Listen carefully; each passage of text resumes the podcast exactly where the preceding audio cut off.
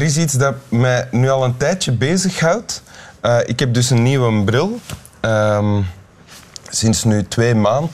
En mm, ja, ik vind het zelf wel oké. Mensen zeggen dat ze hem heel mooi vinden.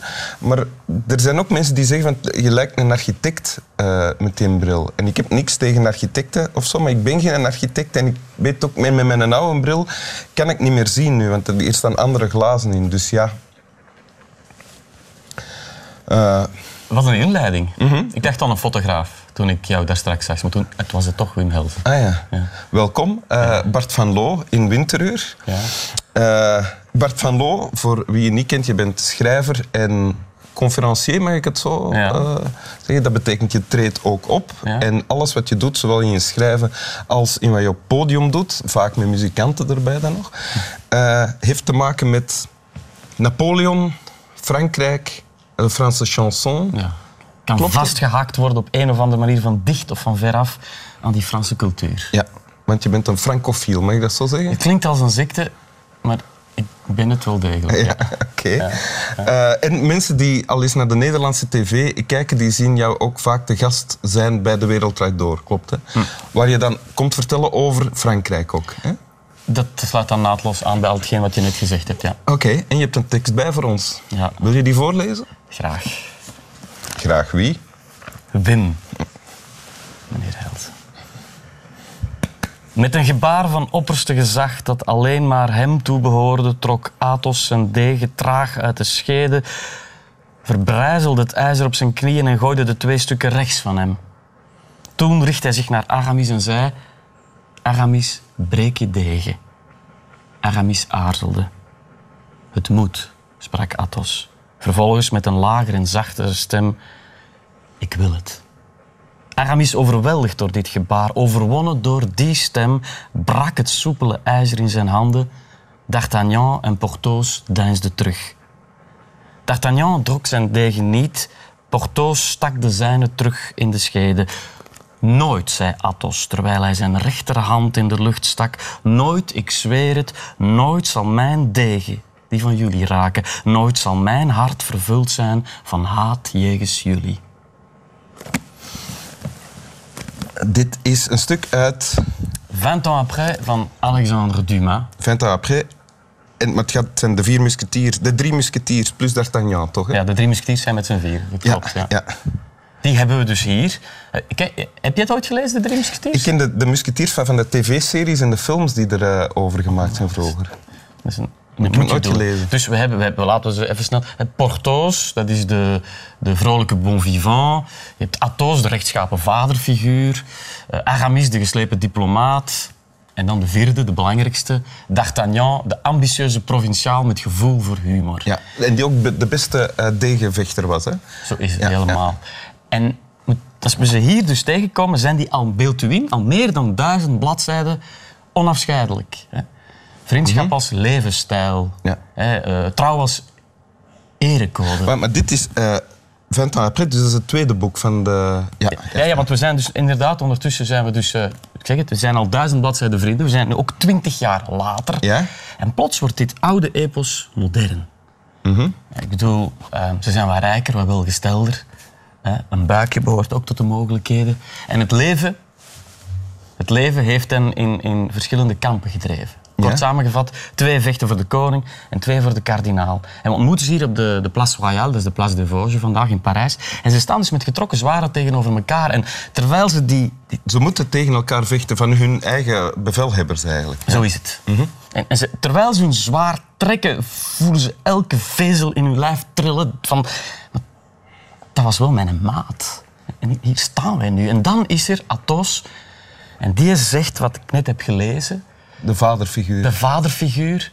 Ze breken hun zwaarden en hij voegt er nog een open woorden aan toe. Zo, hè, ze breken ze op hun knieën en dan smijten ze rechts van hen of zo. Ja, wat een technisch interessante vraag is, hoe zagen die... Dat moeten zo van die soepele degens geweest zijn. Want een, een zwaard echt uit de middeleeuwen, voor deze tijd, dat, krijg je niet gebroken natuurlijk. Dus zo zien we het voor ons. En, uh, en hij zorgt er dan voor dat dat, dat, dat samen blijft. En dat, dat stuk dat treft mij diep. Want? Want is dat, is dat niet herkenbaar? Hebben we, hebben dat zelf nog niet meegemaakt? Dat gezworen kameraden ineens vijanden worden? Dat, dat, dat kan zijn door, uh, door allerlei redenen. Uh, dat, dat mensen plots ja, vijanden worden. Dat kan zacht gebeuren, dat kan hard gebeuren. En dat hebben we allemaal toch al eens meegemaakt. En toen ik dit mhm. las, twintig jaar geleden, dacht ik wel, ik wil en ik zal... Twintig jaar geleden heb je dit voor het eerst gelezen. Ja, dat is dan toevallig. Ik wil die Atos zijn die dan op dat moment de juiste woorden uitspreekt. En hè, dus de, de politiek en zo verder... De vredebrenger op Ja, op de juiste plaats zet, vriendschap bovenaan.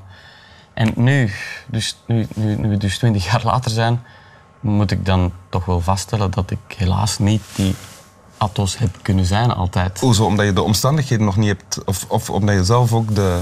Omdat ik het dus al heb meegemaakt dat toch al die vriendschappen op de klippen lopen. Soms, ik dacht, ja, ik, zal dan wel, ik, zoals, ik ga dan wel de juiste woorden vinden. Maar oftewel, zeg je, denk je de juiste woorden, maar die komen zo hard aan dat de vriendschap net daarop breekt. Oké.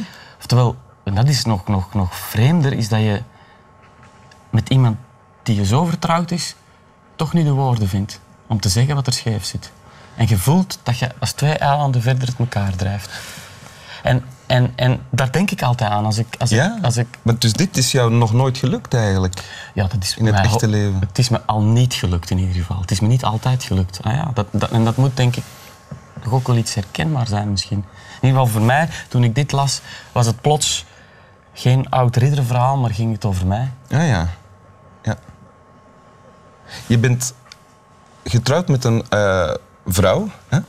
Ja. zoals de meeste heterofiele mannen met de vrouwen uh, trouwen. En zij komt uit Frankrijk, klopt toch? Hè? Ja, dat is een, uh, een, een Bourgondische. Ja. Het, het straffe is... Leest zij dit ook graag? Ja, het is gewoon... Want het, is, het zijn mannenboeken, hè, maar er zijn ook vrouwen die er gek van zijn. En zij was helemaal... Ze heeft dus naar de 15 en haar 20ste beeld u in. Elk jaar de hele musketierscyclus. Dat is dus de drie musketiers. Twintig jaar later de burggraaf van Bragelon. En elk boek wordt altijd dubbel zo dik als het vorige deel. Ja? Elk jaar integraal herlezen. Dat was nog voor ze jou leren ah, kennen. Ah, dus voor haar, dat zit in haar DNA. En uh, ik weet nog goed, wij waren... Want ik kende deze passage, ja. natuurlijk. Die zat, maar die was al wat weggezakt. Die zat in mijn achterhoofd. En wij rijden naar haar thuisbasis. Dus zij is geboren in... Dus naar Bourgondië? Ja, en zij is geboren in Nevers. En in het Vlaams betekent dat zoveel als Nieuw-Frans. Dit ligt echt in la France profonde. En we rijden daar naartoe. En daar is de Loire. Je hebt het Palais Ducal, de kathedraal. En, en, en ze is aan het vertellen en zegt... Bart, weet je nog op, op de Place des Vosges, Place Royale, die, allee, die gezworen kameraden die daar ineens staan. En, en Athos. En, en net op dat moment rijden we de Loire over en ineens hoor ik dat hij niet verder geraakt. Dat die, ja, die is zo geroerd dat, dat, dat die Echt waar? Door dit uh, Ja, door, dat te vertellen. Omdat dat haar zo raakt, dat die een Athos dan... Dit klinkt een beetje raar, maar je bent al duizend bladzijden vervlochten met die personages, met die vriendschap. Ineens gebeurt dat. En zo iemand is dat dus. En uh, mijn, mijn vrouw dus. Mhm. En... Uh, we hebben ons toen ook voorgenomen om...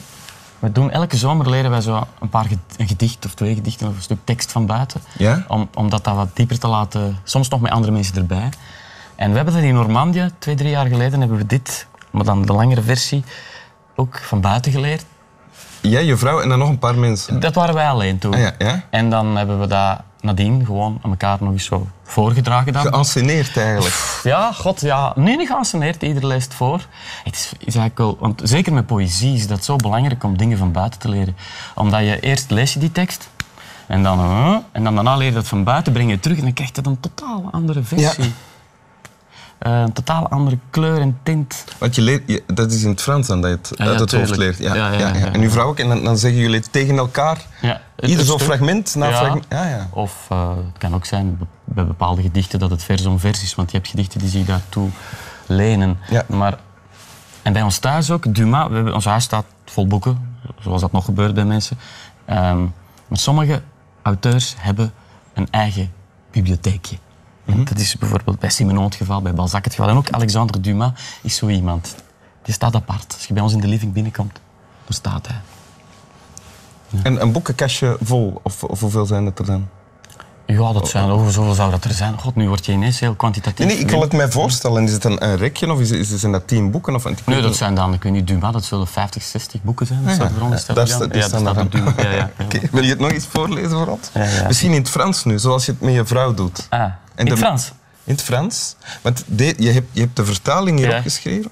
Is, de, is dat jouw vertaling? Ja, dus ja want dat ah, is het net. Dit is dus niet vertaald. Hè kunnen we ook stiekem, voor ik het ga lezen, een pleidooi doen. Uitgevers, steek uw nek uit. Ja, maar- of misschien iets voor jou als je tijd hebt tussendoor. Hè? Tussendoor. Het zijn miljoenen tekens, dit maar ja. ja, het wel aan iemand anders vragen, maar het zelf niet willen doen, of wat? Nee, omdat vertalen is toch een heel Oké, speciaal job. je leest het voor in het Frans en wij kunnen het nog altijd volgen in het Nederlands eh, via de projectie daar. Enfin, wij, ik bedoel, de, de- de gewone mensen, zoals ik en u. Alors, alors Athos étendit la main avec le geste commandement suprême qui n'appartenait qu'à lui, tira lentement épée et fourreau tout à la fois, brisa le fer en le frappant sur son genou et jeta les deux morceaux à sa droite. Puis, se retournant vers Aramis, Aramis, dit-il, brisez votre épée. Aramis hésita. Il le faut, dit Athos. Puis d'une voix plus basse et plus douce, Je le veux. Alors Aramis, plus pâle encore, mais subjugué par ce geste, vaincu par cette foi, rompit dans ses mains la lame flexible. Ce mouvement fit reculer D'Artagnan et Porthos. D'Artagnan ne tira point son épée, Porthos remit la sienne au fourreau. Jamais, dit Athos, en levant lentement la main droite au ciel, jamais, je le jure, jamais mon épée ne touchera les vôtres, jamais mon œil n'aura pour vous un regard de colère. Merci. Gaat je het lezen? Het is alsof ik het al heb gehad nu. Ik kan misschien nog wel eens naar een van de films kijken. Bonne nuit. Zie je ook slaap wel? Euh, au revoir, slaap wel. Faites beaux rêves. Fais dodo, cola mon petit frère. Je, je fais du Torah, du Lolo. Maman, Maman est- est en bas, papa est en... Qui, qui fait du chocolat, papa est en eau. Qui fait du gâteau. Fais dodo, cola mon petit frère. Clémence, ma petite fille. Fais dodo, Torah du gâteau, Lolo. Enfin, comme tu veux. Hey